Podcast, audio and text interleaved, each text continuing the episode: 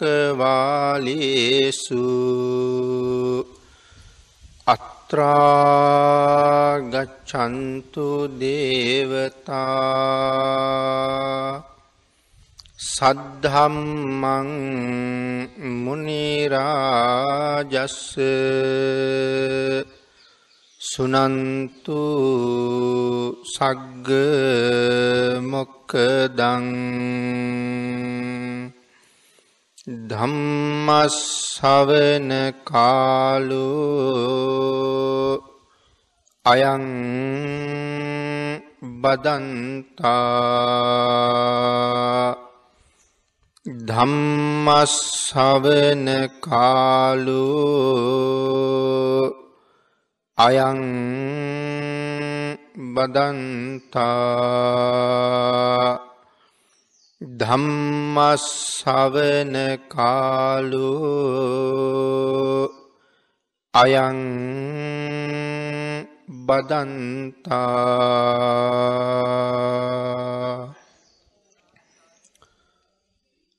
නමෝතස්ස භගවතු වරහතු සබ්බ දම්මේසු අපපටිහතඥානචාරස්ස දස බලධරස්ස චතුවේ සාරජ්‍ය විසාරදස්ස සබ්බ සත්තුත්තමස්ස ධම්මිස්ස රස්ස ධම්මරාජස්ස ධම්මස්සාමිස්ස තථාගතස්ස සබ්බඤුනු සම්මා සම්බුද්දස්ස නමෝතස්ස භගවතු වරහතු සබ්බ දම්මේසු අප පටිහතඥානචාරස්ස දස බලධරස්ස චතුවේ සාරජ්‍ය විසාරදස්ස සබ්බ සත්තුත්තමස්ස ධම්මිස්ස රස්ස ධම්මරාජස්ස ධම්මස්සාමිස්ස තථාගතස්ස සබ්බඤුනෝ සම්මා සම්බුද්දස්ස නමෝතස්ස භගවතු වරහතු සබ්බ දම්මේසු අපපටිහතඥානචාරස්ස දස බලධරස්ස චතුවේ සාරජ්‍ය විසාරදස්ස සබ්බ සත්තුත්තමස්ස ධම්මිස්ස රස්ස ධම්මරාජස්ස ධම්මස්සාමිස්ස තථාගතස්ස සබ්බඤුනෝ සම්මා සම්බුද්දස්ස.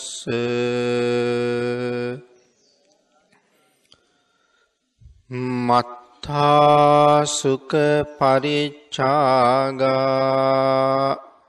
පස්සේචේ විපුලං සුකං චජේ මත්තාසුකං ධීරෝ සම්පස්සං විපුලං සුකංති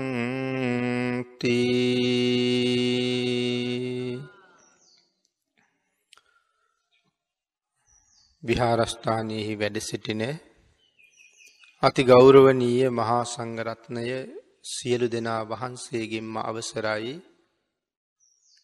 සද්ධර්ම ශ්‍රාවක කාරුණික ගුණගරුක බෞද්ධ පින්නතුනි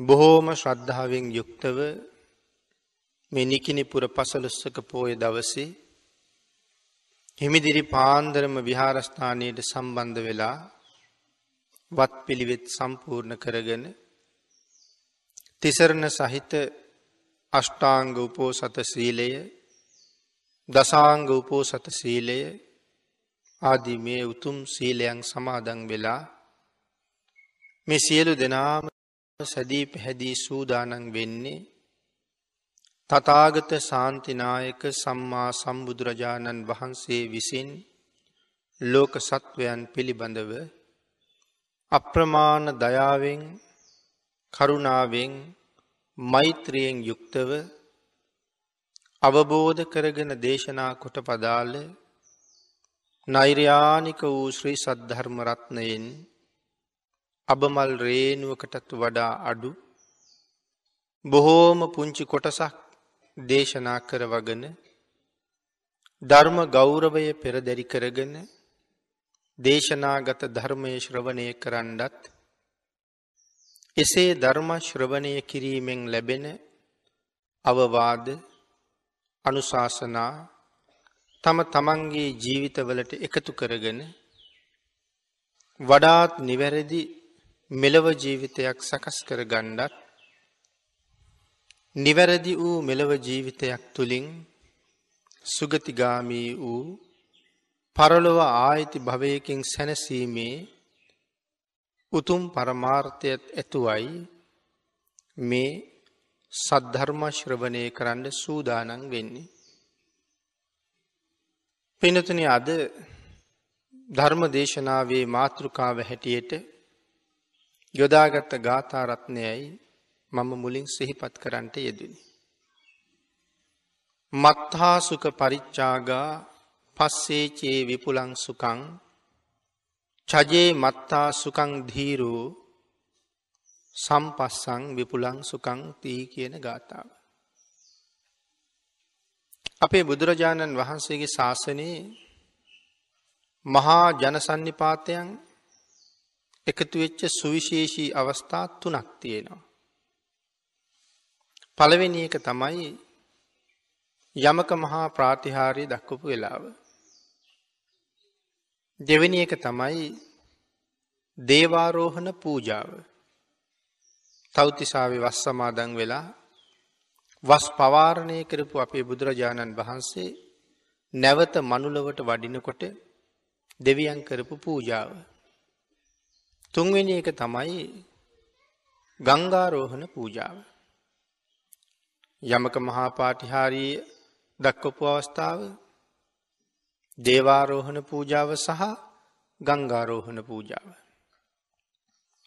ගංගාරෝහණ පූජාව කියල කියන්නේ විශාලා මහනුවරට බුදුරජාණන් වහන්සේ වැඩම කරලා රතන සූත්‍රයේ දේශනා කරලා ආපහු සැරයක් රජගහනුවරට වඩින අවස්ථාවේ සිදුවෙච්ච අසිරිමත් පූජාව සම්බන්ධ කාරණාව.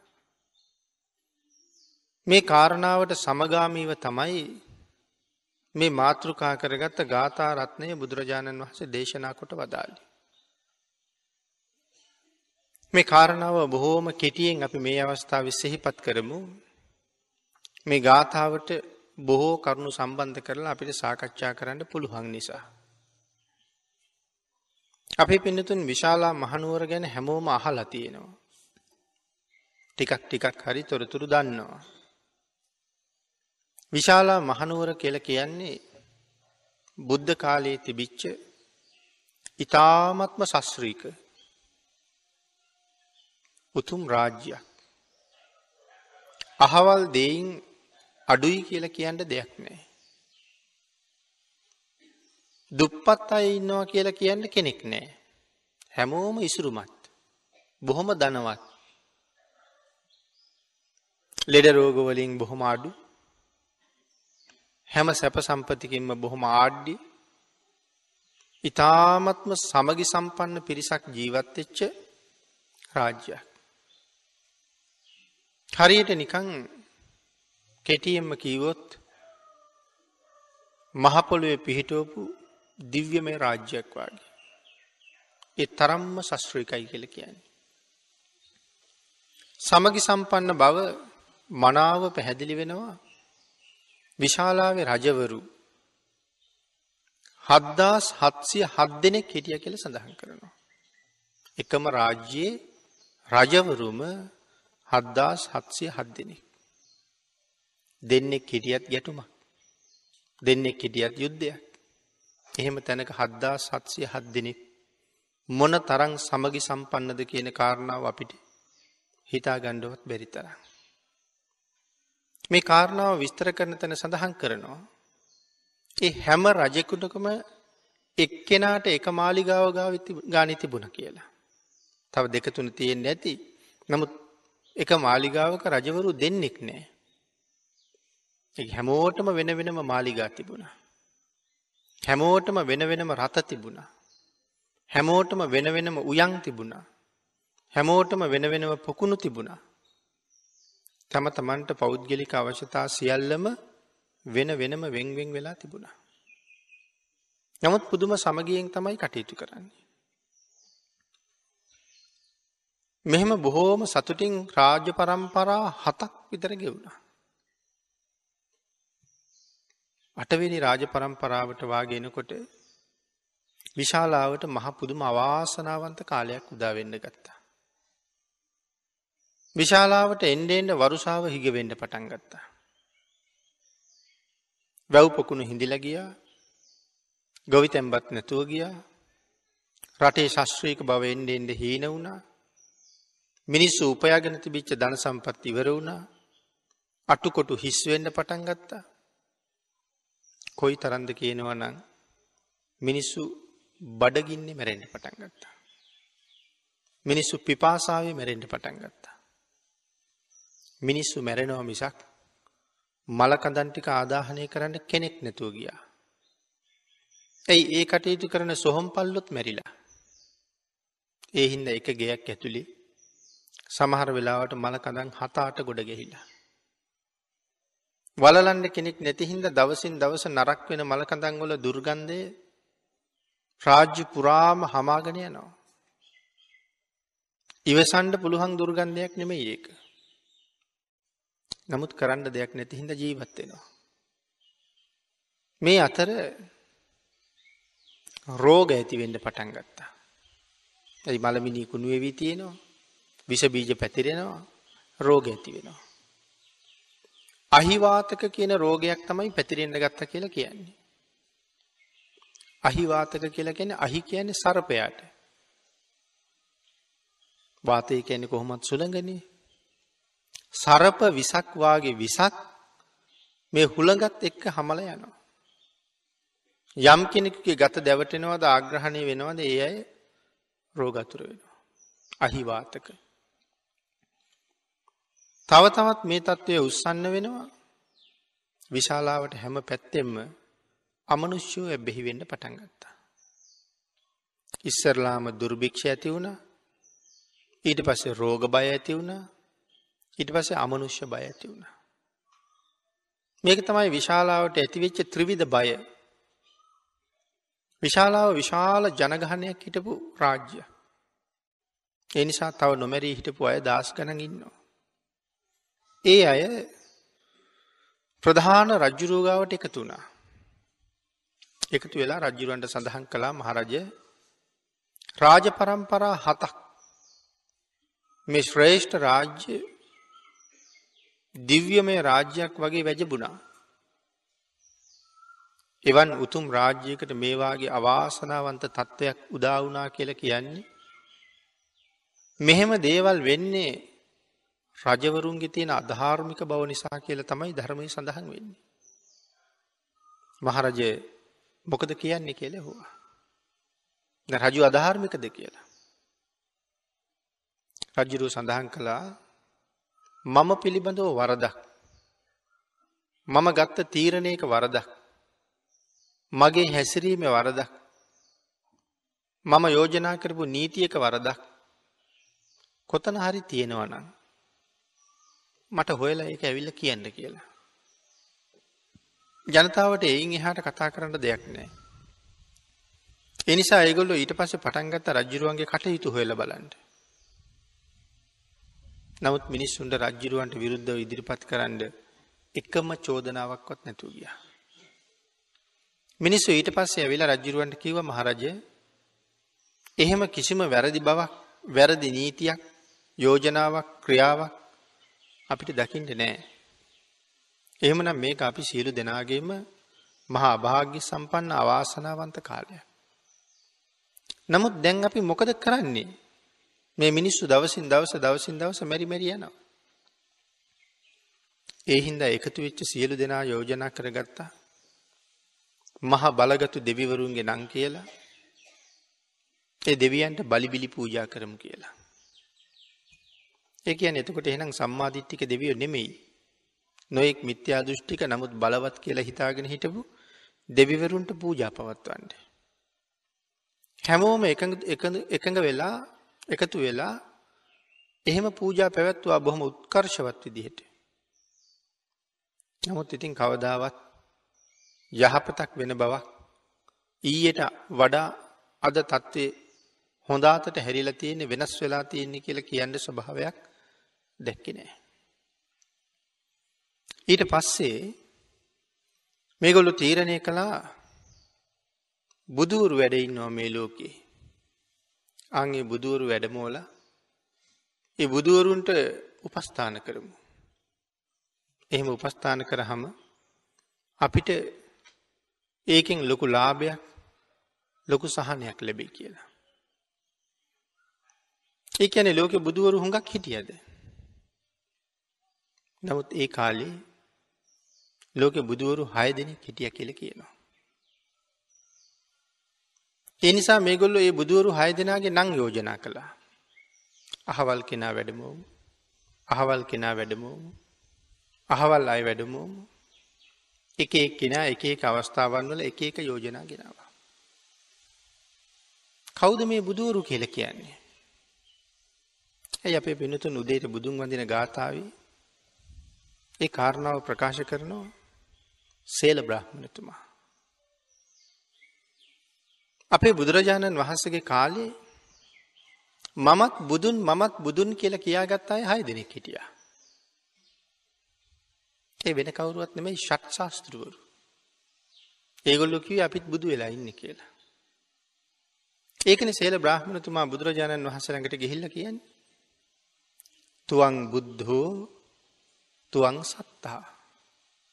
තුවන් මාරාභිභූමුණී තුවන් අනුසයේ චෙත්වා තින්නෝ තාරේසි මම් පජන්. තුවන් බුද්ධෝ ඔබමයි බුදුන්. ඒ කියන්නේ එහෙනම් එක බුදුරජාණන් වහන්සේ නමක් නම් වැඩ හිටියේ ඔබමයි බුදුන් කියලා කියන්න ඕනේ නෑනේ. ඒකාන්තයෙන්ම ඒ බුදුන්නේ. නමුත් එදා මිනිස්සුත් හරියට අතරමං වෙලා පැටලිලා හිටියේ මේ කවුද බුදුරජාණන් වහන්සේ කියලා හරියට තෝරගන්න බැරුව. ඇයි මේ හය දෙනාම කියනවා අපිත් බුදුවරු කියලා. ඒකයි කියන්නේ නෑ නෑ වෙන කවුරුවත් නෙමෙයි ඔබමයි බුදුන්. තුවන් සත්තා ඔබමයි ශාස්තෘ. තුවන් අනුසයේ චෙත්වා. ඉතාම සියුම් වූ කෙලෙස් පවා ඡේදනය කරපු විනාශ කරපු සිඳලදාපු ඔබ වහන්සේටමයි බුදුරජාණන් වහන්ස කියල කියන්නේ. තින්නෝ තාරීසි මම් පජන් මිස් භවසාගරයේ තරණය කළ එකම මුනිවරය ඔබ වහන්සේ. ස්වාමීණී මේ ප්‍රජාව සංසාරයෙන් එතර කරවන්ට. ඉල්ලීමක් කරනවා. නමුත් අරගොල්ලො බුදුන් බුදුන් කියාගත්ත මේ ශෂ්ට ශාස්තෘවරු පවා වැඩමවාගෙන ගිහිල්ල. නොඒ ආකාරයේ පුද පූජා පැවැත්තුවා ඇප උපකාර සත්කාර සංග්‍රහ කළා නමුත් ඒකින් විශාලාවට එච්ච යහපතක් නන්නේ. විශාලාව රජවරු අතර එක රජ කෙනෙක් හිටියා මහාලි කියලා. සමහර වෙලාවට මේ කතා කරන්නේ මොන මහාලි ගැනද දන්නේ. මහාලි නමං රජවරු කීප දෙනෙක් ඉන්නත් ඇති. නමුත් එක රජ කෙනෙක් හිටිය මහාලි කියලා යා අන්දයි. කොසොල් රජ්ජිරුවන්ගේ සමකාලීනය. කොසොල් රජ්ජිරුවයි බන්දුල මල්ලයි මහාලී කියන ලිච්චවි රජ්ජිරුවයි සම වයසේ එක පන්තියේ එකට ශිල් පහදාරපු අයි. අපි පිනතුට මතක ඇති කලින් දේශනාවල් අපි සඳහන් කරලා තියෙනවා. එදා භාරතය හිටිය මහා සටන්කාමීන් තුන් දෙනෙක් ගැන. ඒ තුන් දෙනාගෙන් එක්කෙනෙක් තමයි මහාලි ලිච්චවි කියල කියන්නේ. මේ තුන් දෙනා එක්කෙනෙකුට එක්කෙනෙක් දෙවනි නෑ. එ තරම්ම දක්ෂයි. මහාලි ලිච්චවී කොසොල් රජ්ජුරු පන්දුල මල්ල. තුන් දෙනාම රාජකුමාරවරු. ශිල්ප ඉගෙනගත්තට පස්සේ තමන්ගේ ශිල්ප ඥාතින් මව්පියෝ ඉස්සරහා ප්‍රදර්ශනය කරන්න ගිය වෙලාවේ වෙච්ච පුංචි අත්තරදීමක් හින්දා මහාලි රජ්ජුරුවන්ගේ ඇස් දෙකම අන්ද වෙනවා. එහින්ද අන්ද කෙනෙකුට රජකම දෙන්න නැති නිසා අනික් සියලු රජවරු තීරණය කළා මෙයා සටන් කලාවේ හරි දක්ෂයි අපේ දරුවන්ට උගන්නන ගුරුවරය බවට පත් කරමු. අපි මාසකට වතාවක් ගුරුවරයට මුදලක් ගෙවනවා. නැතන් ජීවත්වෙන් විදිහන්නේන්නේ දරුවන්ට උගන්නන ගුරුවරය. බන්දුල මල්ලටත් ශිල්ප දක්වන්න ගිහිල්ලා ඥාතීන් කරපු වරදක් නිසා අන්තිමට රජකම හම්බ වෙන්නේ නෑ. මකද වැඩිමහල් සහෝදරයෝ තව හිටියා. ඉති ඒ නිසා බන්දුල මල්ල කොසල් රජ්ජුරූ ගාවටාව කොසල් කුමාරයා මහරාජ්‍ය අධිපති බවට පත් වුණ. ඉති මෙතන කතා කරන මහාලිත් එදා මේ කියන මහාලීද නැත්තං වෙන තව මහාලී නමින් රජවරු හිටියද කියන කාරණාව කියන්න අපි දන්නේ නෑ. කෙසේ වෙතත් මේ මහාලි රජ්ජුරුවෝ බිම්බිසාර රජ්ජුරුවොත් එක තිබිච්ච හිතවත්කමක් එක්ක දවසක් බිම්බිසාර රජ්ජුරුවොත් එක්ක ගිහිල්ල බුදුරජාණන් වහන්සේ මුණ ගැහිල්ලා බනාහලා තිබුණා. එදා ධර්ම දේශනා විවර වෙනකොට මහාලී නම් ලිච්චවි රජ්ජුරුව සෝවාන් වෙලයි හිටිය. ආං එදා විශාලාවිදි මහාලි රජ්ජුරුව යෝජනාවක් කළා මම වැඩමුවන් හං බුදුරජාණන් වහන්සේ. අපි වැඩමෝම බුදුරජාණන් වහන්සේ මේ කාලේ රජගහනුවර බිම්බිසාර රජ්ජුරුවන්ගේ රාජ්‍යී වැඩඉන්නවා කියලා. ඊට පස්සේ සියලු දෙනාම ඒක මතිකව මහාලි රජ්ජිරුවන්ට පැවරුවා බුදුරජාණන් වහන්සේ විශාලාවට වැඩමෝන කාරී. පුරෝහිත පුත්‍රයක් දුන්නා. බොහෝ තෑගි බෝගත් දුන්නා. ඒ තෑගි බෝග ගෙනහිල්ල බිම්බිසාර රජ්ජිරුවන්ට දීලා බිම්බිසාර රජ්ජිරුවන්ට තමයි කියන්න ඕනේ බුදුරජාණන් වහන්සේට අපි වෙනුවෙන් ආරාධනාව කරලා දෙන්න කියලා. ඉති මේ දෙන්න ඒ තෑගි බෝගත් අරගෙන රජ්ජිරුව මුණ ගැහිල්ල. ගෙනියපු තෑගි බෝග රජ්ජිරුවන්ට පිළිගන්වල රජ්ජිරුවන්ගෙන් ඉල්ලීමක් කළා. විශාලාවට ඇති වෙලා තියෙන අවාසනාවන්ත තත්ත්වය ගැන කියලා. මේ දුකෙන් අපිව බේරගන්න බුදුරජාණන් වහසේ වැඩමෝල දෙන්න කියලා. නමුත් බිම්බිසාර රජ්ජිරුව ගත් කටටම කීවී. උඹලගේ ආරාධනාවක් තියෙනවනම් උඹලම කරගනිල්ල කියලා. රජ්ජුරුවාවි නෑ. රජ්ජුරුව වෙන දෙයක් හින්ද නෙමෙයි. රජ්ජුරුව කැමති නෑ බුදුරජාණන් වහන්සේ රජගහනුවරින් කොහෙවත් වඩිනවට. පුදුමාකාර බැඳීමක් බුදුරජාණන් වහන්සේ එක තිබුණා. මොකද ලොවතුරා බුදුවෙන්ට කලින්ම යඳුරගත්තේ.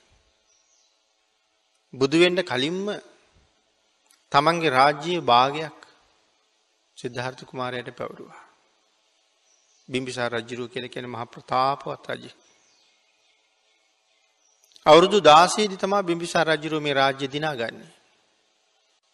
එතරන් දක්ෂයි. එහෙම දිනාගත්ත රාජ්‍ය නිකම්ම භාගයක් පවරලා දෙන්න තරම් බෝසතාණන් වහන්සේ පිළිබඳව මොන තරම් පැහැදීමක් ඇතිවෙන්න ඇද්ද. ඉතින් රාජ්‍ය ප්‍රතික්ෂේප කලාට පස්සෙන මතක් කළේ ස්වාමීණී ඔබහන්සේ හොයන බුද්ධ රාජ්‍ය එහෙනම් යම් දවසක ලබාගෙන ඉස්සරලම මගේ රාජ්‍යයට වඩින්න මං ආරාධනා කරනවා කියලා. බුදුවෙන්ඩ කලින් බුදුවෙන්ඩ ඉන්න බෝසතාණන් වහන්සේට ආරාධනා කරපු කෙනෙක් බිම්බිසාර රජුරු.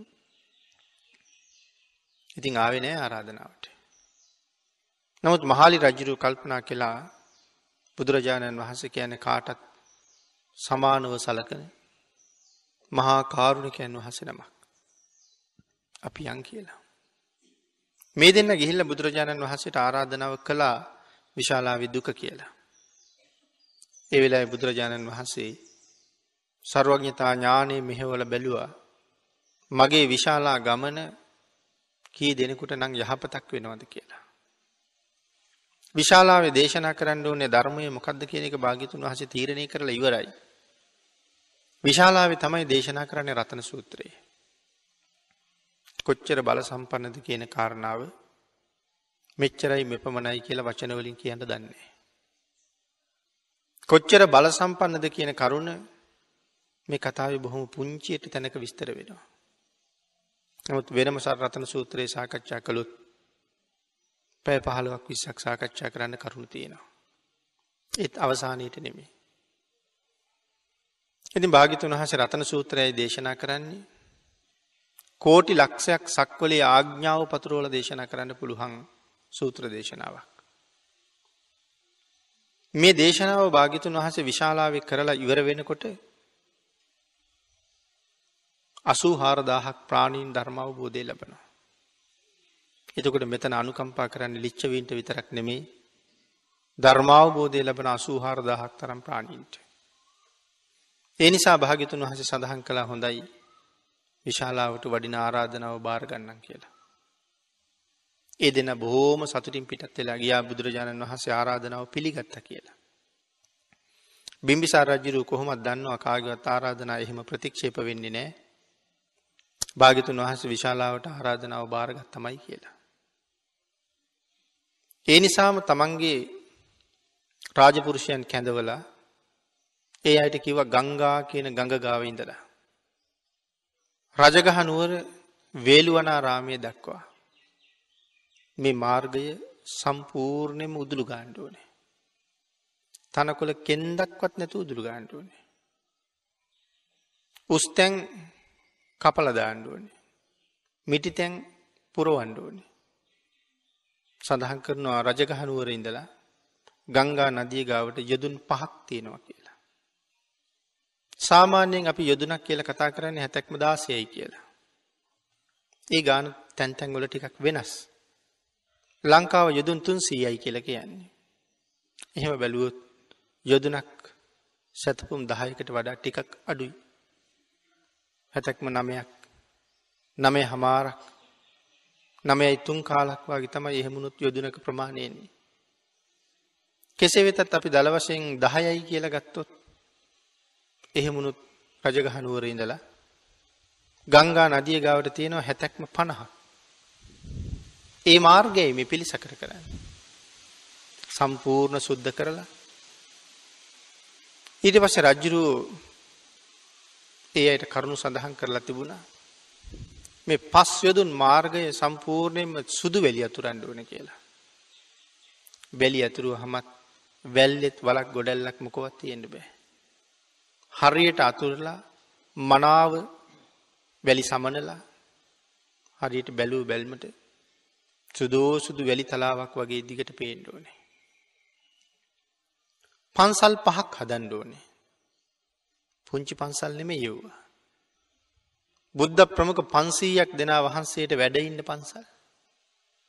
වැඩයින්ඩ සැතපෙන්ඩ විවේක ගණ්ඩ සක්මං කරන්න පැම් පහසුවෙන්න්න පැම්පකුණු සියලුම දේවල් හදන්ට ඕනේ. ඇයි මේ පන්සල් පහක් හදන්නේ. බුදුරජාණන් වහන්සේ පාගමනින් වඩින ගමනක් තියෙනවනං යම් තැනකට. කොයි තරං හදිසියක් තිබුණත් භාග්‍යතුන් වහසේ දවසකට වඩින්නේ එක යොදුනයි කියල සඳහන් කරනවා. යොදුනකට වඩා දවසකට වඩින්නේ.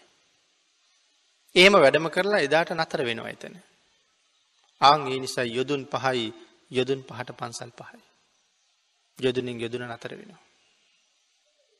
ඒ පන්සල් පහත් අපූරුවට හැදවා. ඉතින් අපිට හිතෙන්න්න පුළුවන් අපි පන්සලක් හදන්න ගියහම අවුරුදු කීයක් යයිද. එච්චර කල් ගියාද මේ පන්සල් හදන්න කියලා.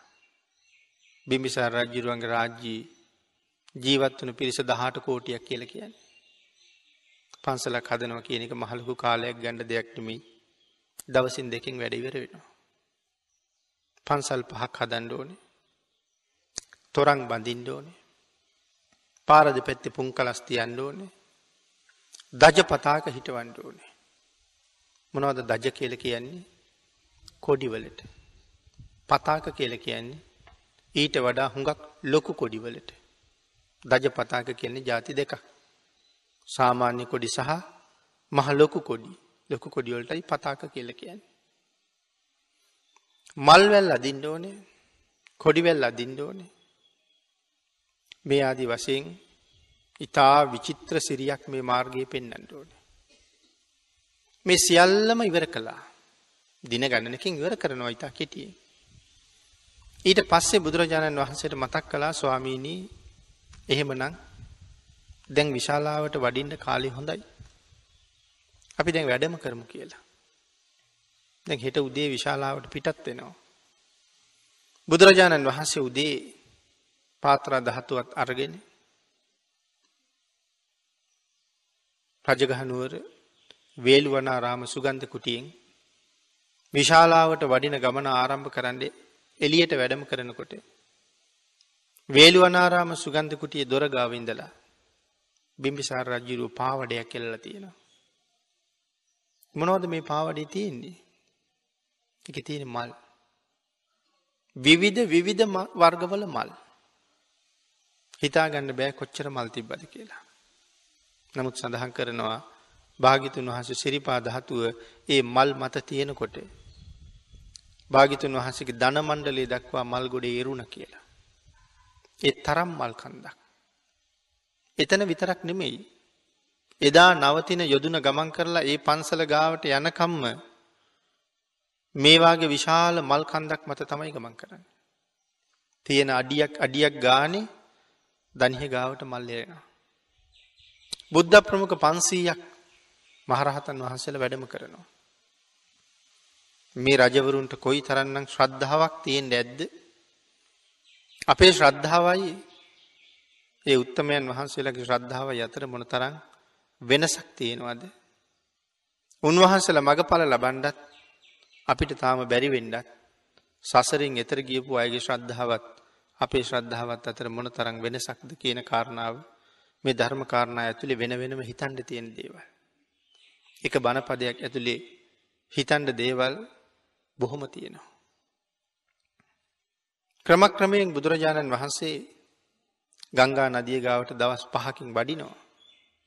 හැබැයි රජ්ජුරුව බුදුරජාණන් වහන්සේගේ හිසට ඉහෙලින් කුඩ දෙකක් ඉහළුවා කියල සඳහන් කරන්න. භාගිතුන් වහසිට කුඩ දෙකයි කුඩයක් කුඩ කුඩයක් රහතන් වහන්සේලට එක කුඩයයි. ගංගා ගඟගාවට වැඩිය හම මහ විශාල නැව් රුවල් නැවුණි නැව් දෙකක් රජ්ජුරුව එකට කරලා ගැට ගහලා. ඒ නැව් දෙක හරියට දිවී ලෝකින් බිමට බෑවවාගේ. ඒ මැද්ද නැව් දෙක එකතු කළ ලොකූ ආසනයක් පනවලා ඒක මත බුද්ධාසනය හදල. වටේට පන්සීයක් රහතන් වහන්සේලාට අනර්ග බුමුතුරුණු මතින් පනවපු අලංකාර ආසන පන්සීයක් හදලා භාගිතන් වහසට වඩින්ට. විශාලා මහනුවරට පනිවිඩයක් කැරියා බුදුරජාණන් වහන්සේ අද රජගහනුවරින් පිටත්වෙනවා. ඉතාම හරසරින් භාගිතුන් වහස පිළිගණඩ ලෑස්ති වෙන්න ඕන කියලා. ලිච්චවි රජෝරු කල්පනා කළා බිම්බිසාර රජ්ජුරුව යම්සේ බුදුරජාණන් වහන්සේට උපහාර දක්වමින් ගංගා නදිය ගවට වැඩමෝනුවද ඊට වඩා ඉහළ උපහාරයක් අපෙන් ලැබෙන්ඩෝන කියලා. බුදුරජාණන් වහන්සේ නැවට වැඩම කරලා දැන් නැව ගමන් ආරම්භ කළා. බිම්බිසා රජ්ජුරුවත් නැව පිටි පැස්සෙන් බැහැගෙන බැහැගෙනනවා. රජ්ජුරුවන්ගේ කරවටක් එනකං ආවා රජ්ජුරුවන්ගේ මුහුණයි ඔටුන්නයි විතරක් උඩට පේනවා. එතනින් එහාට රජ්ජුරුවන්ට යන්න බැරි නිසා බුදුරජාණන් වහන්සේට ආපවසරයක් අඩගහල කියනවා. ස්වාමීන්‍ය භාග්‍යතුන් වහන්සේ විශාලාවේ නතර වෙන්ඩනම් එපා. බුදුරජාණන් වහන්සේ කවද්දාය රජගහනුවරට වඩින්නේ ස්වාමීනී එතෙක් බිම්බිසාර මේ ගං ඉවරට වෙලා බලාගෙන ඉන්නවා. ඉති භාගිතුන් වහස වඩිනකම්ම ගං ඉවරට වෙලා රජුරු ඉන්නවා. බුදුරජාණන් වහන්සේ විශාලාව පැත්තට වැඩම කළා. විශාලාව රජවරු කරවටක් ගඟේ බැහැල ඇවිල්ල බුදුරජාණන් වහන්සේ පිළි අරගෙන හෙමින් හෙමින් ඒ නැව ලංකර ගත්තා විශාලාව පැත්ති ගංගිවුරට. බුදුරජාණන් වහන්සේට නැවෙන් එලියට බහින්ඩ අපූරු මාවතක් හදල තිබ්බා. ඒ මාවතින් බුදුරජාණන් වහන්සේ ගගේ එහා පැත්තේ උරට සිරිපා ධාතුව තියෙනවාත් එක්කම සඳහන් කරනවා මහා මේග වලාවන් නැගිලා ධාරාණි පාත පොකුරු වෙහි ඇදහැලෙන්ට පටන් ගත්ත කියලා. මොනවර්ද මේ පොකුරු වෙහි කියල කියන්නේ. පොකුරු වෙහි කියල කියන්නේ ඉතාම ධාරාණි පාත වැහි නමුත් ඒ වැස්සට තෙමෙන්ට කවරු හරි අකමැතිනම් ඒගොලු තෙමෙන්නේ. තෙමුණත් කමක් නෑ කියලා ඉන්න අනික් අය හැමෝම තෙමෙනවා. අකමැති අය විතරක් තෙමෙන්නේ. ඒවට කියන පොකුරු වෙයි කියලා. මුළු විශාලාවටම මේ වැස්ස ඇදහැලෙනවා. විශාලාව වතුරෙන් පිරුණා. මහා ජල ධාරාවක් විශාල පුරා විශාලාව පුරාම ගලනවා. ටික වෙලාවක් යනකොට මිනිස්සුන්ගේ පිටිපතුල් උඩින් වතුර ගලන්න ගත්තා. තව ටිකක් වෙලා යනකොට ඒ වතුර මිනිස්සුන්ගේ දන මඩල දක්වා පිරුණා. තව ටික වෙලාවක් යනකොට ඒ වතුර මිනිස්සුන්ගේ ඉන ගාවට පිරුණා. දැන් විශාලාව ඉනක් වතුර තියෙන තනිකරම ජල ගඟක් වගේ. මුළු විශාලාවම හෝදගෙන ගංගාවලටයි සාගරයටයි වතුර ගියා. ගෙයක් ඇතුළි තියෙන මිනි කෑල්ලක්වත් විශාලා විතුරු කළේ නෑ. බුදුරජාණන් වහන්සේ විශාලාව පැත්තර තව විශාලාවට දුරයි ගංගා නදිය ගාවිඳලා විශාලාවට යොදුන් තුනක් තියෙනවා. ඒ කියන්නේ හැතැක්ම 30ක්වත් තියෙනවා. මෙහි ඉඳලා කල්පනා කරුවොත් වාරිය පොළ දිහාට තරම්වත් තව විශාලාවට දුරයි. භාග්‍යතුන් වහන්සේ එහෙට වඩින්න ඉස්සෙල්ලා විශාලාව පිරිසිදු කරනවා මේ. සම්පූර්ණ සුද්ධ පවිත්‍ර කරලා ඉවර කළා වැස්සෙන්. ලිච්ඡවි රජවරුත් පන්සල් තුනක් හදලා තිබුණා යොදුන් තුනක් තියෙනවනේ. අර විදිහටම පාරවල් හදලා සුදු එලි අතුරලා මල් පාවඩ දාලා දජ පතාක හිටවලා පුන් කලස් තියලා තොරන් බැඳලා කොහොමත් ඒ හැම එකක්ම බිම්බිසාර රජුරවන්ට වඩා ඉහළයි. බිම්බිසාර රජුරුව බුදුරජාණන් වහන්සේගේ හිසට ඉහෙලින් කුඩ දෙකක් ඉහෙළුවා. ලිච්ඡවි රජවරු බුදුරජාණන් වහන්සේගේ හිසට ඉහෙලින් කුඩ හතරක් ඉහෙළුවා. රහතන් වහන්සේලාගේ හිසට ඉහෙලින් කුඩ දෙකක් ඉහෙළුවා. රජවරුන්ගේ අනර්ග පිළිගැනීමත් දැහැමි උපස්ථානයක් ලැබමින් බුද්ධ ප්‍රමුඛ 500ක් මහා සංඝරත්නයේ විශාලාවට වැඩම කළා. දැන් විශාලාවේ ගඳ නැහැ. භාග්‍යතුන් වහන්සේ වඩිනවත් එක්කම විශාලාවේ හිටපු අමනුෂ්‍යෝ විශාලාව දාලා යන්න පටන් ගත්තා. මහේෂාක්‍ය දෙවිවරු ඊට කලින් වැඩියා ඒත් එක්කම දෙවිය වඩිනකොට ඉන්න බෑ අමනුෂ්‍යයන්ට. ඒත් යන්න ගියා. නමුත් බුදු ගුණයටත් කීකරු නැති මහ බලගත් අමනුෂ්‍යයොත් නැතුව නෙමෙයි. කීකරු නෑ. එහෙම අය ඉතුරු වුණා.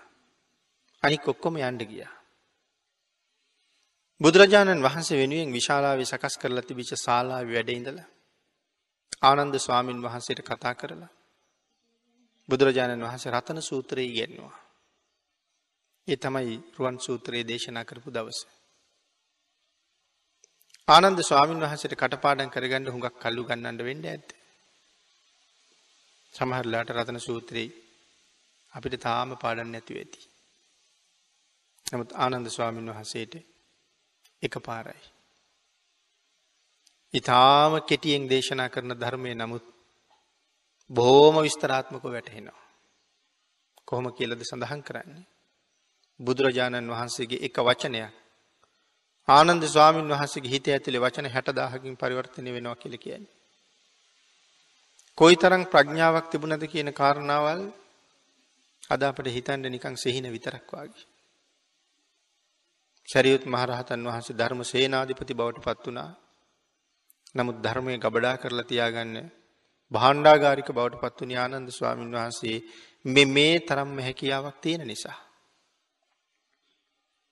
රතන සූත්‍රයේ ඉගෙනගෙන අපේ බුදුරජාණන් වහන්සේ දානි වළඳන පාත්තරි ශෛලමය පාත්‍රය අතට ගත්ත කියලා තමයි සඳහන් කරන්නේ.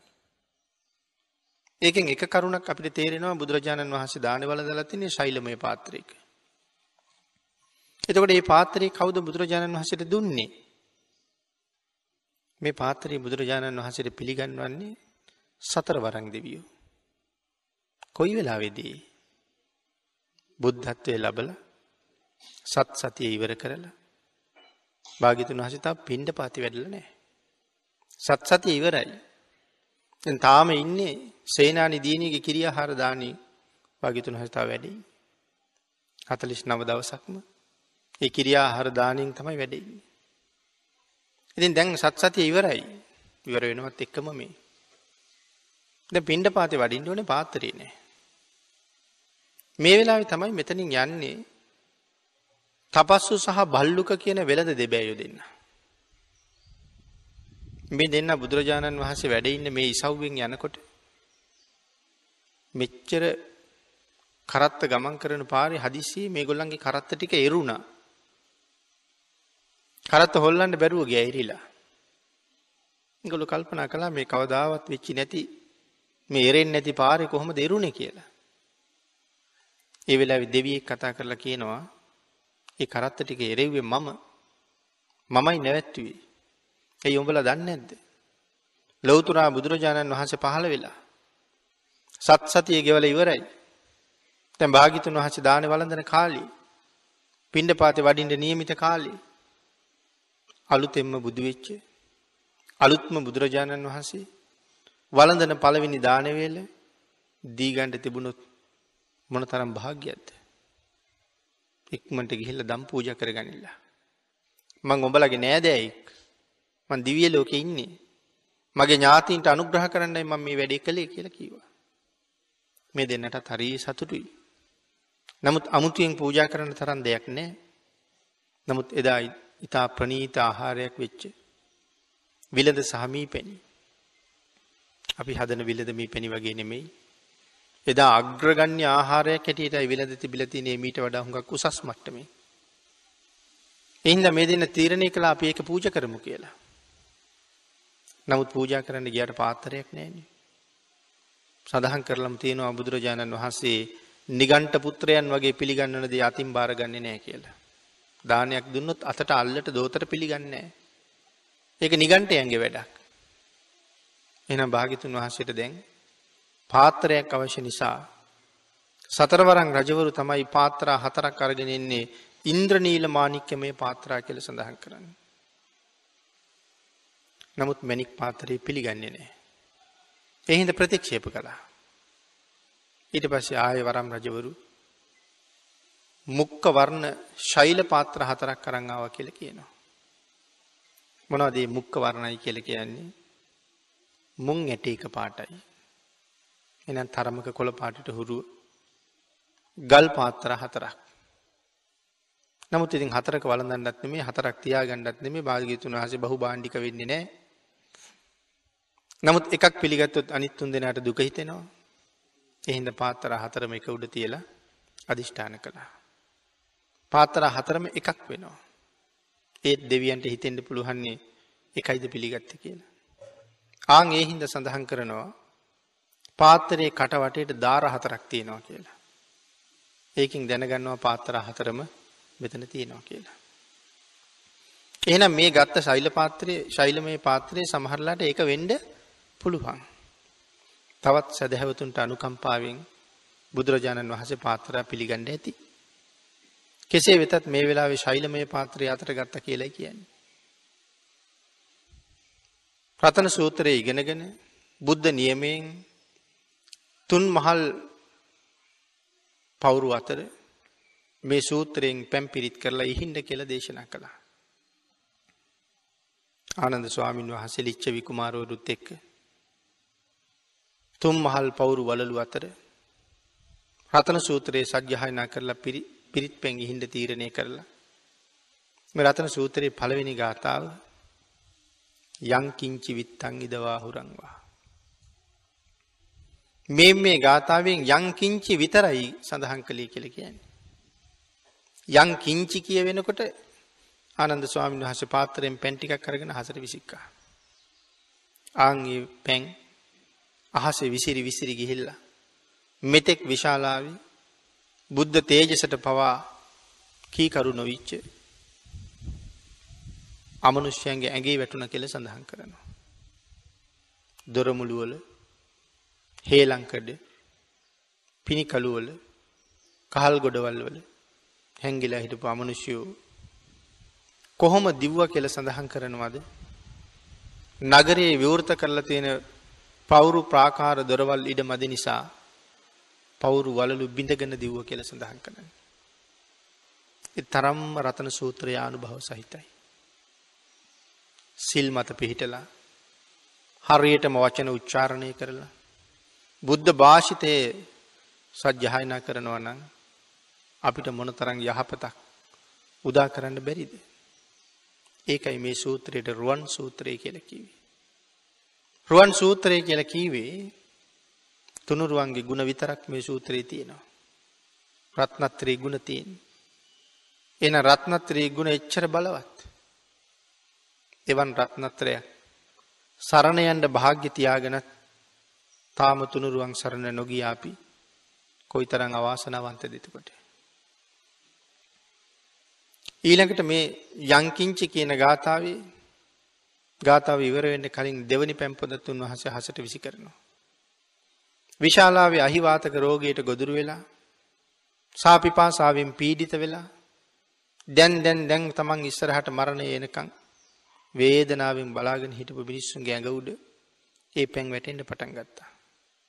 හරියට නිකං දෙව්ලවින් ලැබිච්ච දිව්‍යමය අවෂධයක් ශරීර ගත වුණා වගේ දුරුවල ශරීර තිබිච්ච මිනිස්සු බොහොම ශක්තිමත් විදිහට නැගිටලා මේ මොනවාගේ විපර්යාසයක් වුණාද අපිට කියන කාරණාවත් හිතාගණ්ඩ බැරුව ආනන්ද ස්වාමීන් වහස දැකලා සාදු සාධූ කියන හඬකී කියා ආනන්ද ස්වාමීන් වහසගේ පිටි පස්සෙන් ගමන් කරන්න ගත්ත කෙල කියයි.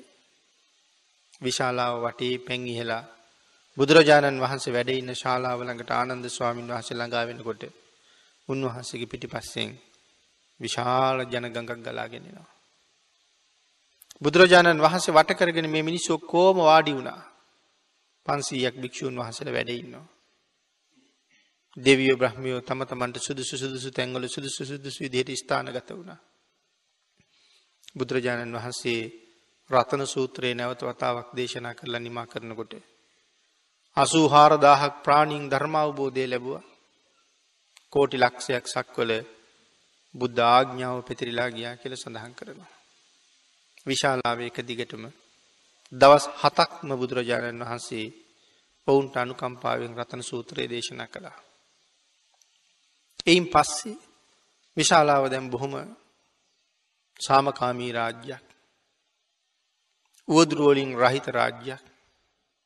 දුර්ගන්ධයෙන් අමනුෂ්‍යයන්ගෙන් තොර රාජ්‍යයක්. විශාලාව පෙරතිමුණ තත්වයට පත්තෙන්ට අවශ්‍ය සියලු දේවල් පිළියල වුණා. රජවරුන්ට සඳහන් කලා වස් කාලි ළඟයි. මං වස් වසන්ඩ ආපහු රජගහනුවරට වඩින්ඩෝන. රජවරු වැඩමවාගනාව යම්සේද ඊට වඩා නොදෙවෙනි විදිහට. බොහොම හරසරින් භාගිතුන් වහන්සේ මේ යොදුන් තුන වැඩමවාගෙන ගිය. ගංගා නදිය ගවට භාගිතුන් වහස ළඟා වෙනකොට. මැනික් නැව් රත්තරං නැව් රිදී නැව් ගංගිවර හිටවලා. කෞුද මේ නාගියෝ නාගලෝක නාගරාජවරු කල්පනා කරනවා මිනිස්සු බුදුරජාණන් වහන්සේට අප්‍රමාණ පූජා පවත්වනවා. ඇයි නාගේ වෙච්ච අපි තාමත් නිශ්ශබ්ද. ඒ හින්දයි මෙහෙම නැව් අරගෙනාව. ඇවිල්ල බුදුරජාණන් වහසට ආරාධන කලා ස්වාමීනී දෙවියන්ට මිනිසුන්ට විතරද භාගිතුන් වහසේ අනුකම්පා කරන්න ස්වාමීනී අපිටත් අනුකම්පා කරන සේක්වා. මේ නැව්වලින් භාගිතුන් වහස වැඩම කරන සේක්වා. නැව් ගෙනල්ල විතරක් නෙමෙයි. මේ ඇය ගංගා නදිය ජලය මත පාට පහක මල්වලින් පාවඩයක් දාලා. ශාල පාවඩයක්. මල්වලට යටින් වතුර ගලනවා. නමුත් මල් හේම වතුර උඩ තියෙනවා. බුදුරජාණන් වහන්සේ නාගයන්ගේ අදහස බැලුවා. නාගයන්ගේ අදහස බලලා බුදුරජාණන් වහන්සේ රන් රුවන් රිදී නැව් පන්සීයක් මැව්වා. ඒ පන්සී ඇතුළේ බුද්ධාසන පන්සීයක් මැව්වා. බුද්ධාසන වටකරගෙන රහතන් වහන්සේලාට ආසන පන්සීය බගින් මැව්වා. ලොවතුරා බුදුවරුම් නිර්මාණය කළා. බුදුවරු මවල හැම බුද්ධාසනයකම වඩා හිඳෙව්වා. පන්සීය පන්සීය රහතන් වහන්සේලා හැම බුදු කෙනෙක්ම වටකරගෙන හැම නැවකම ඉන්නවා. මේ ඔක්කොම බුදුරජාණන් වහන්සේ රූපාවචර ධ්‍යානයකින් මවාපු බුදුවරු සහරහතන් වහන්සේලා. නමුත් බුදුරජාණන් වහන්සේත් එක් වැඩම කරපු රහතන් වහන්සේලත් එක්කෙනෙක් එක නැවකට ගානි භාගිතුන් වහස වැඩම කිරීවා. බුදුරජාණන් වහන්සේත් එක නවකට වැඩම කළා. ගඟ මැද්දට නැව යාත්‍රා කරනකොට. නාගයෝ ආරාධනා කලා ස්වාමීනී අපිට අනුකම්පා කරලා නාගලෝකට වඩිමු කියලා. නාගියෝ බුදුරජාණන් වහස නාගලෝකට වැඩමවාගෙන ගිය. බුදුරජාණන් වහස රාත්‍රයක් පහන් වෙනකං නාගලෝක ධර්ම දේශනා කළා. උදේ එලිවුණ හම දිව්‍යමය වූ භෝජනවලින් නාගයෝ බුදුරජාණන් වහසට සංග්‍රහ කළා. දාන පූජ කළා.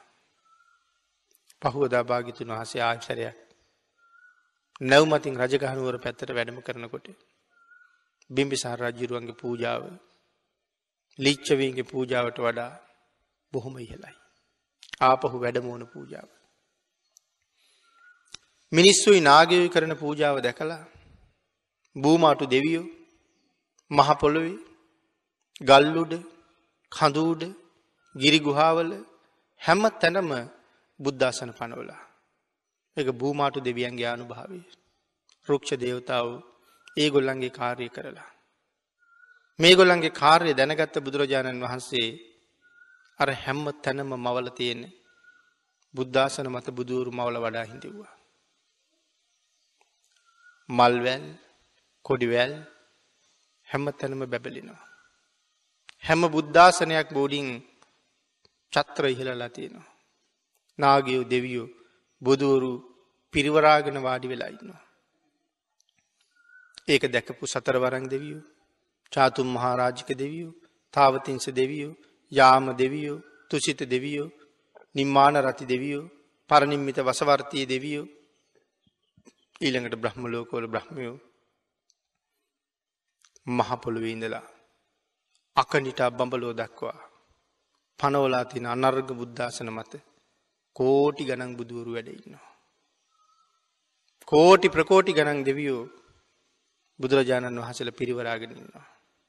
මුළු අහස් තලේම මේ විදිහට ලස්සන්ට තිබුණ කියල වර්ණනා කරන්න බැරි තරම් අපූරු ලස්සනක් හැම බුදු කෙනෙකුගෙන්ම රැස් විහිදෙනවා. හැම දෙවියෙක්ම බුදුවරු පිරිවරාගෙන ඉන්නවා. නාගය ඔබදුවරු පිරිවරාගෙන ඉන්නවා. අකනිටා බඹලෝ දක්කා දජපතා කළ එල දෙනවා.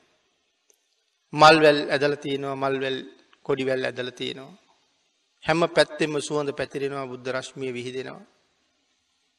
මේක මෙහෙමයි මෙච්චරයි අසිරියයි කියල කියන්න බචනෝලින් විස්තර කරන්න දන්නේ. මේ ගංගාරෝහණ පූජාව බොහෝම කෙටියෙන් මම මේ කරුණු සඳහන් කරන්න. බිම්පිසාර රජ්ජුරු පෙරට වඩා බොහෝම ඉහළ පූජාවක් ලැහැත්ති කරලා. විශාලාවට වඩිනකොට කුඩ දෙකයි ඊළඟට ගංගා නදී එහා පැත්තින්ලා ලිච්චවි රජවරු කුඩ හතරයි දැන් බුදුරජාණන් වහන්සේ ගංගා නදීඳලා රජගහනුවරට වඩිනකොට භාගිතුන් වහසගේ හිසට එහෙලින් අකනිටා බඹලෝ දක්කා කුඩ ඉහෙල්ලා තිබුණ කියල සඳහන් කරනවා. ඒ රජ්ජුරුවොත් බූමාටු දෙවියොත් රක්ෂ දේවතාවත් සදිව්‍ය ලෝක දෙවියොත් බ්‍රහ්මවරුත් එකතු වෙලා අකනිටා බඹලෝ දක්වාම කුඩ යෙල්ලියා. මේ විදිහට බොහොම අපූරු පෙරහැරකින් බුදුරජාණන් වහන්සේ නැවතවතාව වේළුවනාරාමයට වැඩම කළා. එකතු වෙලා හිටපු දෙවියන්ගේ ප්‍රමාණය නාගයන්ගේ ප්‍රමාණය මෙච්චරයි කියල සීමාවක් කරන්න බෑ මනුස්ස ලෝකෙත් කෝටි ගණන් රැස් වෙලා හිටිය. ඉතින් පහුවදා පින්ඩ පාති වැඩලා දාන වලඳලා භික්‍ෂූන් වහන්සේලා විවේකස්ථානයේ වාඩි වෙලා සාකච්ඡාව. ඊයේ විශාලාව ඉඳල වඩින කොටත් විශේෂයෙන් රජගහනුවරට වඩින කොටත් තිබිච්ච මේ අසිරිමත් පූජාව. මේ ලෝකෙ කාටනං මෙහෙම පුද පෙළහැර ලැබෙන්ඩද. අනේ මේ වාගේ පූජා උපහාර ලැබෙන්ඩ පාරමිතා පුරණ කාලේ කොයි තරන්නම් කැපකිරීම් කරන්න ඇද්ද. මොන තරන්නම් මහ පූජාවල් කරන්න ඇද්ද බොසතණන් වහන්සකී කිය සාකච්ඡාව. බුදුරජාණන් වහන්සේ දාන වලඳලා ටිකක් විවේ කාරගෙන භික්‍ෂූන් වහන්සේල ළඟට ඇවිල් අහනවා මහන්නෙන මොනවාගේ කතා භාක යෙදිල හිටියද. ස්වාමීණී ඊයේ දෙවියොයි නාගයොයි මිනිස්සුයි එකතු වෙලා කරපු මේ මහපූජාව දකිින්ට ලබන්ඩ. ඒකෙන් පිදුම් ලබන්ඩ බෝසතාණන් වහන්සේ මොන තරං පාරමිතාපුරණ කාලෙ කැප කිරීම් කරන්න ඇද්ද කියලා යැපි මේ කතා කරේ. බුදුරජාණන් වහන්සේට මෙහෙම උපහාර ලැබෙන්ඩ කොයි තරං එදා පෙරුම් පුරන්ඩ ඇද්ද වෙහෙසෙන්ඩ ඇද්ද ඒකයි මේ කතා කළේ. ඒම සඳහන් කරහම බුදුරජාණන් වහන්ස සඳහන් කරනවා නෑමහනිනි. කවදාවත් හිතන් දෙපා ඒ තිබුණ බුද්ධානු භාවයේ ශක්තිය කියලා. ඒ මහ පූජාව බුද්ධානු භාවයේ බලයක් නෙමෙයි. ඒ මහ පූජාව මං කරපු මහ මහා පින්කං නිසා විපාක දුන්න පූජාවකුත් නෙමෙයි. බුද්ධානු භාවයක් නෙමෙයි නං පාරමිතාවල ආනිභාවයක් නෙමෙයි නං. ඒ මහ පින්කංවල ආනුභාවය නෙවෙයි නං මේ මොන පින්කංවල ආනිභාවේද මේක. බුදුරජාණන් වහන් සඳහන් කළා මහනෙන මං එදා කරපු ඉතාම ස්වල්ප පූජාව කානිසංසය යොයිති. ස්වල්ප පූජාවක්. ඉතාම චූටි පූජාවක්. පින්කමක් කරන්ඩ ලැහැත්ති වෙලා යන්නේ නැතුව හදිසියේ කරපු පූජාවක්. පින්කමක් කරන්න කිසිම සූදානමක් තිබ්බේ නෑගිය පින්කමක් කරන්න නෙමේ. නමුත් හදිසියේ ලැබුණ අවස්ථාවෙන් ප්‍රයෝජන ගත්තා. ඒ අයොයි තියෙන්. එහෙම සඳහන් කරහම තමයි මේ මේ ගාථාව දේශනා කළේ. මත්තාසුක පරිච්චාගා පස්සේචේ විපුලංසුකං මහනෙන හොඳට මතක තියාගන්නට. හැමෝම කැමති කුඩා සැපවලට වඩා ලොකු ලොකු සැපවලට. හුඟක් සැපවිඳින්ට. හැමදාම සැපවිඳින්ට. විශාල වසයෙන් සැපවිඳින්ට. ආං එහෙම සැපයක් යමෙක් බලාපොරොත්තු වෙනවනං ඒ වෙනුවෙන් ඔවුන්ට පරිත්‍යාග කරන්න වෙනවා. ආගේ හින්දා අතන මෙතන හම්බ වෙන්න සුළු සුළු සැප මහ සැපයක් වෙනුවෙන් අත්හරින්ට කිව්වා. ලොකු සැපයක් වෙනුවෙන් පුංචි සැපත් හරින්ට කිව්වා. මත්තාසුක පරිච්චාගා පස්සේ චේවිපුලං සුකං. චජයේ මත්තා සුකං දීරෝ සම්පස්සං විපුලං සුකං. කාටද මේ දීරෝ කියල කියන්නේ. නුව නැත්තට ඥානවන්තය අර තමයි දීරෝ කියල කියන්නේ. චජයේ මත්තා සුකං දීරෝ මේ ලෝකෙ ඉන්නව නම් පණ්ඩිතයෝ ඥානවන්තයෝ ඔවුන් හැම වෙලායම ලොකු සැපයක් බලාපොරොත්තුවෙන් මද සැපත් හරින්නෝ කියල දේශනා කළා. ඉන් පස්සෙ තමයි කාරණාවහන්නේ. මහනෙන්නේ බෝධි සත්ව ධර්ම සම්පූර්ණ කරගෙන ආපු කාලි. මම ඉපදිච්ච එක අබුද්ධෝත් පාද කාලයක මගේ ආත්මයක් තිබුණ සංක කියලා. මගේ නම සංක මට හිතිය බොහෝම ලස්සනට හැදිල වැඩුණ තරුණ පුතෙක්.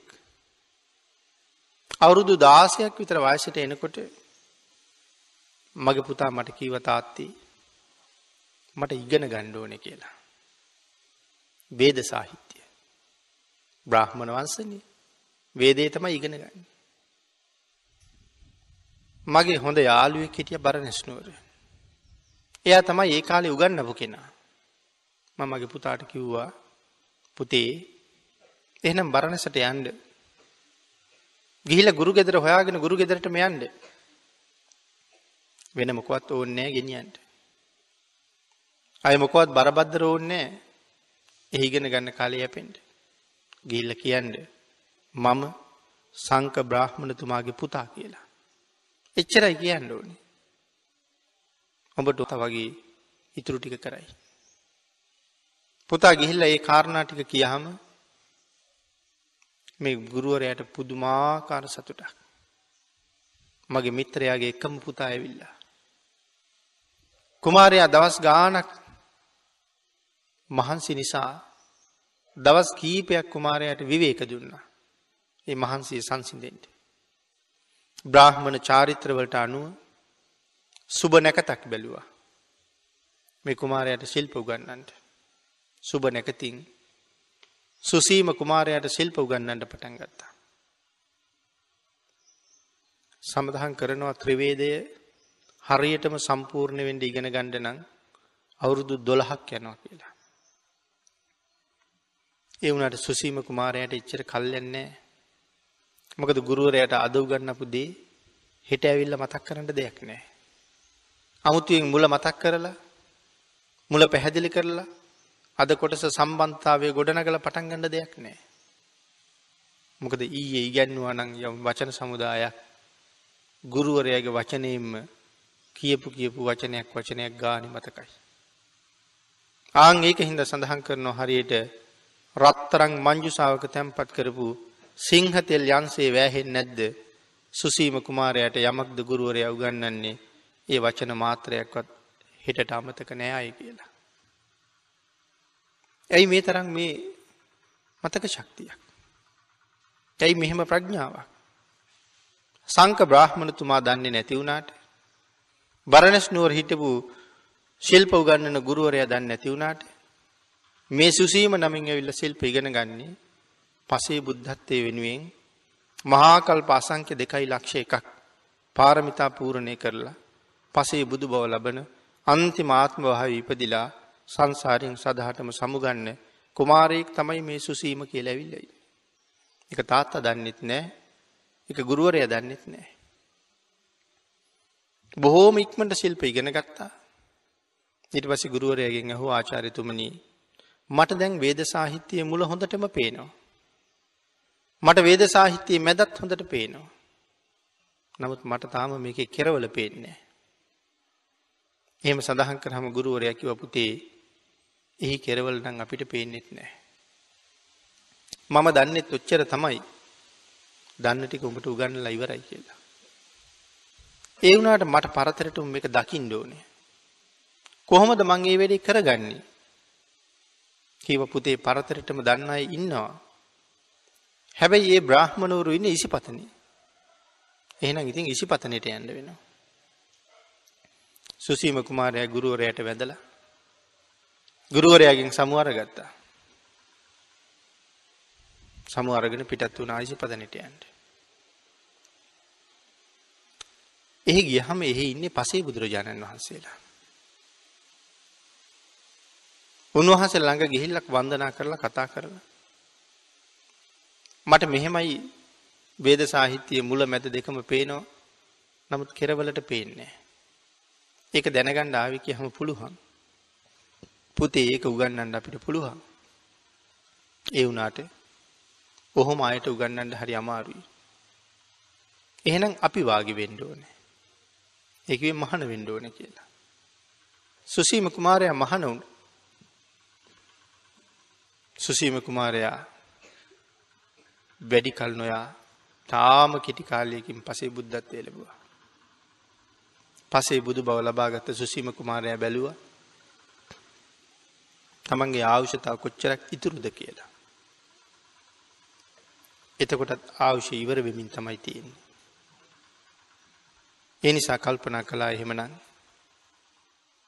පාරමිතාව පූරණය වුණා පිරිනිවන් පාන කාලය ලැබිලා තියෙනවා. මොකක් හරි හේතුවකින් අල්පායුෂ්කයි. අහසට පැන නැගලා ප්‍රාතිහාරය දක්වලා පිරිනිවන් පෑවා. පසේ බුදුරජාණන් වහන්සේලා සුසීම පසේ බුදුරජාණන් වහන්සේගේ ශාරීරික දහතුන් වහන්සේලා ටික අරගෙන මිනිස්සුන්ගේ අතට දීලා කිව්වා නගරද්්වාරයේ මේ ධාතුන් වහසල තැන්පත් කරලා චෛත්‍යයක් හදන්න කියලා. මිනිස්සුන්ට වැඳ පුදාගෙන පින් කරගන්න.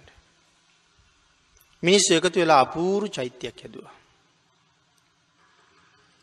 සංක බ්‍රහ්මණතුමා කල්පනා කළා පුතා ගියත් ගියාමයි කිසිම තොරතුරක් නෑ. ඒ හින්දා තමන්ගේ කුඩෙයි පැන් අරගන්න කෙන්ඩියයි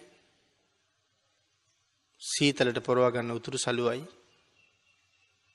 මේ ටිකත් අරගෙන සංක බ්‍රාහ්මණතුමා ගෙදරින් පිටත් වුණා බරණසට යන්න පුතා හොයන්ට.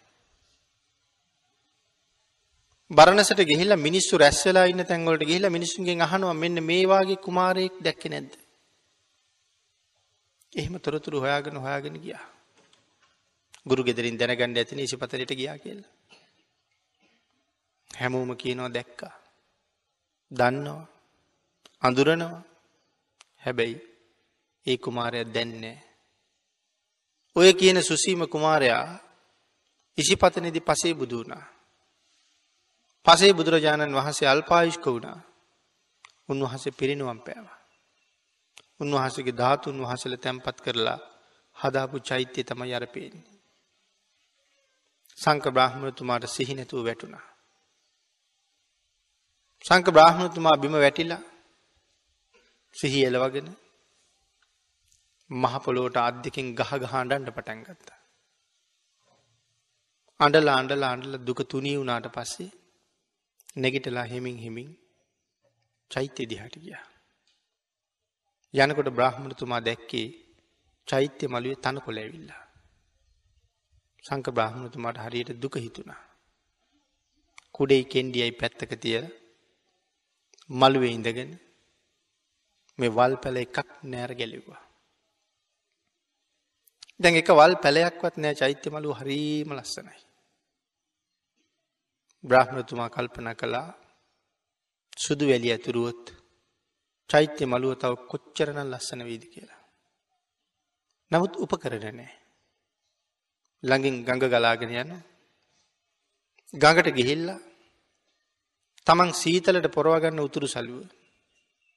ගඟේ එල්ලල ඒකට වැලිපුරෝපුරෝ ඒක ඔතාගෙන ගෙනල්ල මළුවට දානවා.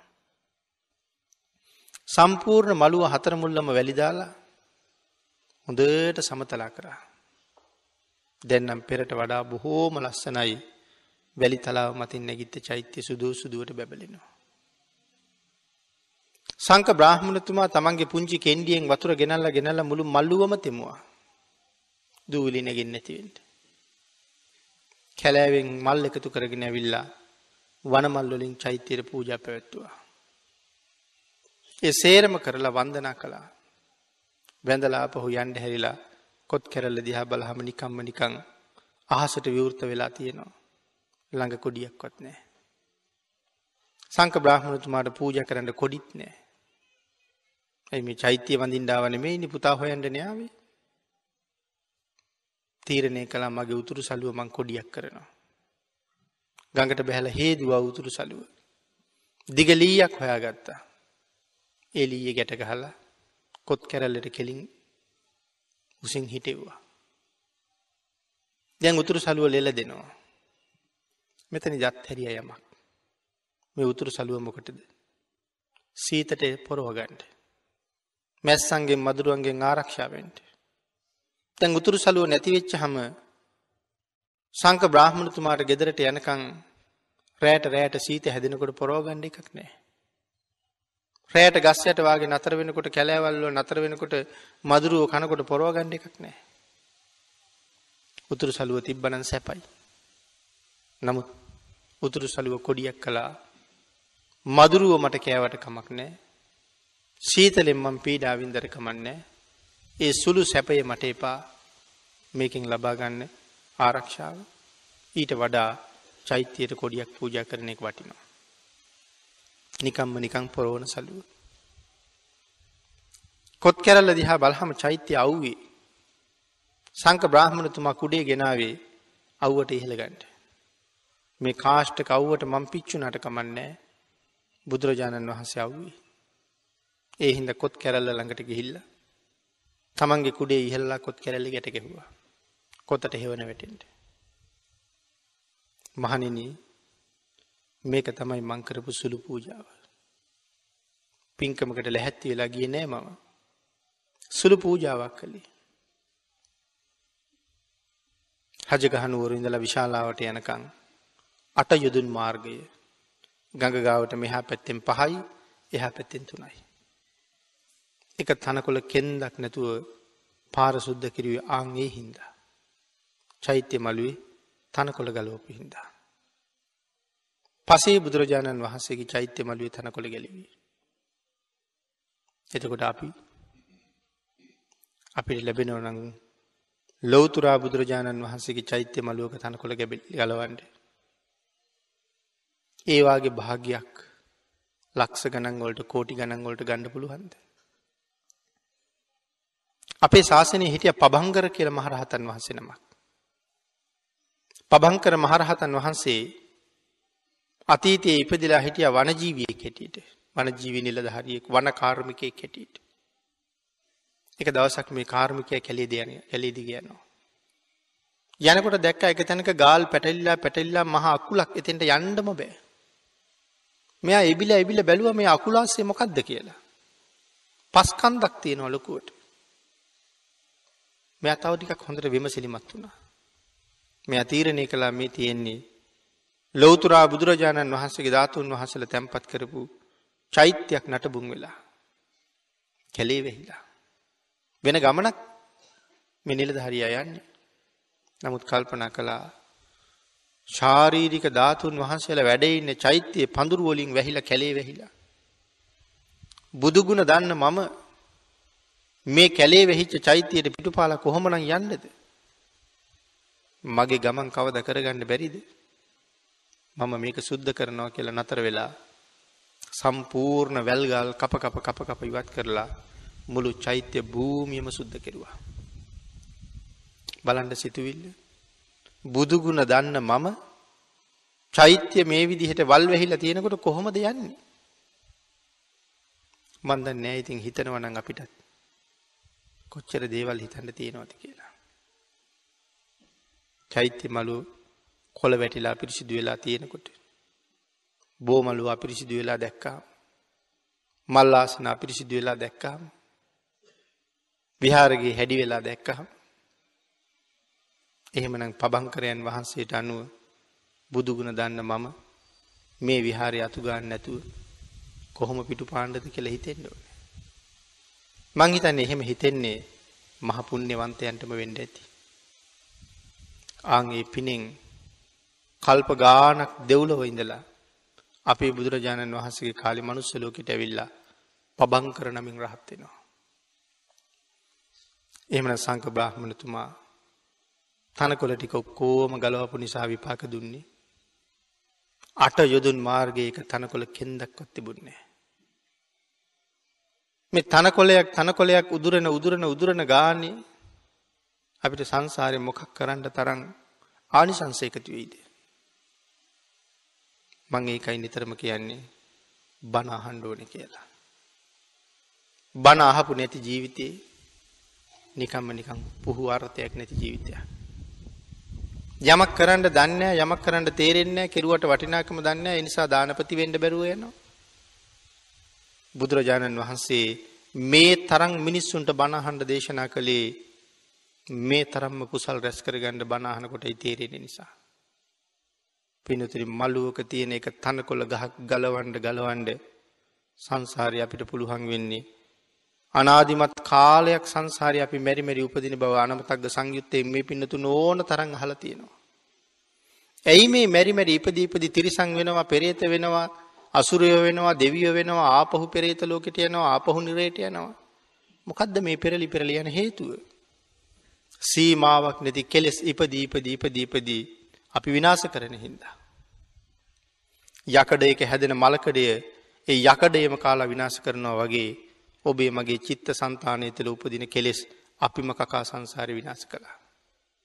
එහෙමනම් මේ සෑමලුවේ එක තනකොළ කෙන්දක් උදුරන්ඩ උදුරන්ඩ සසර අපිව සසරට ඇදල බැඳල තියෙන කෙලෙස් මුල් ගලවන්ඩ හේතුවෙන මහ පහසුම පින්කම හැටියට සඳහන් කරන එකක්. චෛත්‍ය මළුවක එක තනගහක් උදුරනකොට සංසාරයට එක කෙලෙස් මුලක් ගලවන්ඩ තරන් එක මහතානි සංසයි. එහෙමනම් මේ වගේ අවස්ථා මිනිස්සු පොර කණ්ඩුවනි මේ වගේ දේවල්ලොට.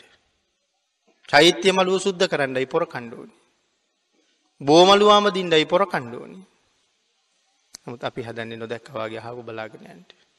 එහෙම වනේ බනහල නැතිහින්ද. බණ ඇහුවනං අපි සංසාරමෙල්හට ඉවර වුණා වෙන්ඩත් තිබ්බා. එදත් ඇහුවේ නෑ අදත් අහන්නේ හෙටත් අහන්ඩ කල්පනාවකුත් නෑ අපි කොයි තරං අවාසනවන්තද. මේක වචනයක් කොච්චර ගැඹුරට කතා කරන්න පුළුවන්ද. මේ වගේ උතුම් කාරණ හැම වෙලාම හිතන්ඩ මෙනෙහි කරන්න ඕන්න මං කියන්නේ ලෙඩ ඇඳේ ඉඳගෙන මෙ හිතුවට වැඩක් නෑ. අතපාය හතර පණ නැතුව මෙව හිතුවට වැඩක් නෑ.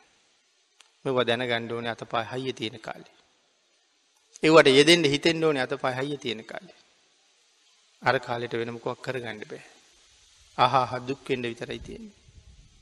ඒ නිසා මේ කනින් අහලා එහා කනින් පිට කරන්න නැතුව අහපුදේ අමතක කරලා නැගිටින් නැතුව මේ ලැබිච්ච ජීවිතෙන් ප්‍රයෝජන ගණ්ඩ ඔබ සියලු දෙනාට රත්නත්තරී ආශිර්වාදයෙන් ශක්තිය දහිරිය භාග්‍ය වාසනාව උදාවේවා කියලා ආශිර්වාද කරනවා.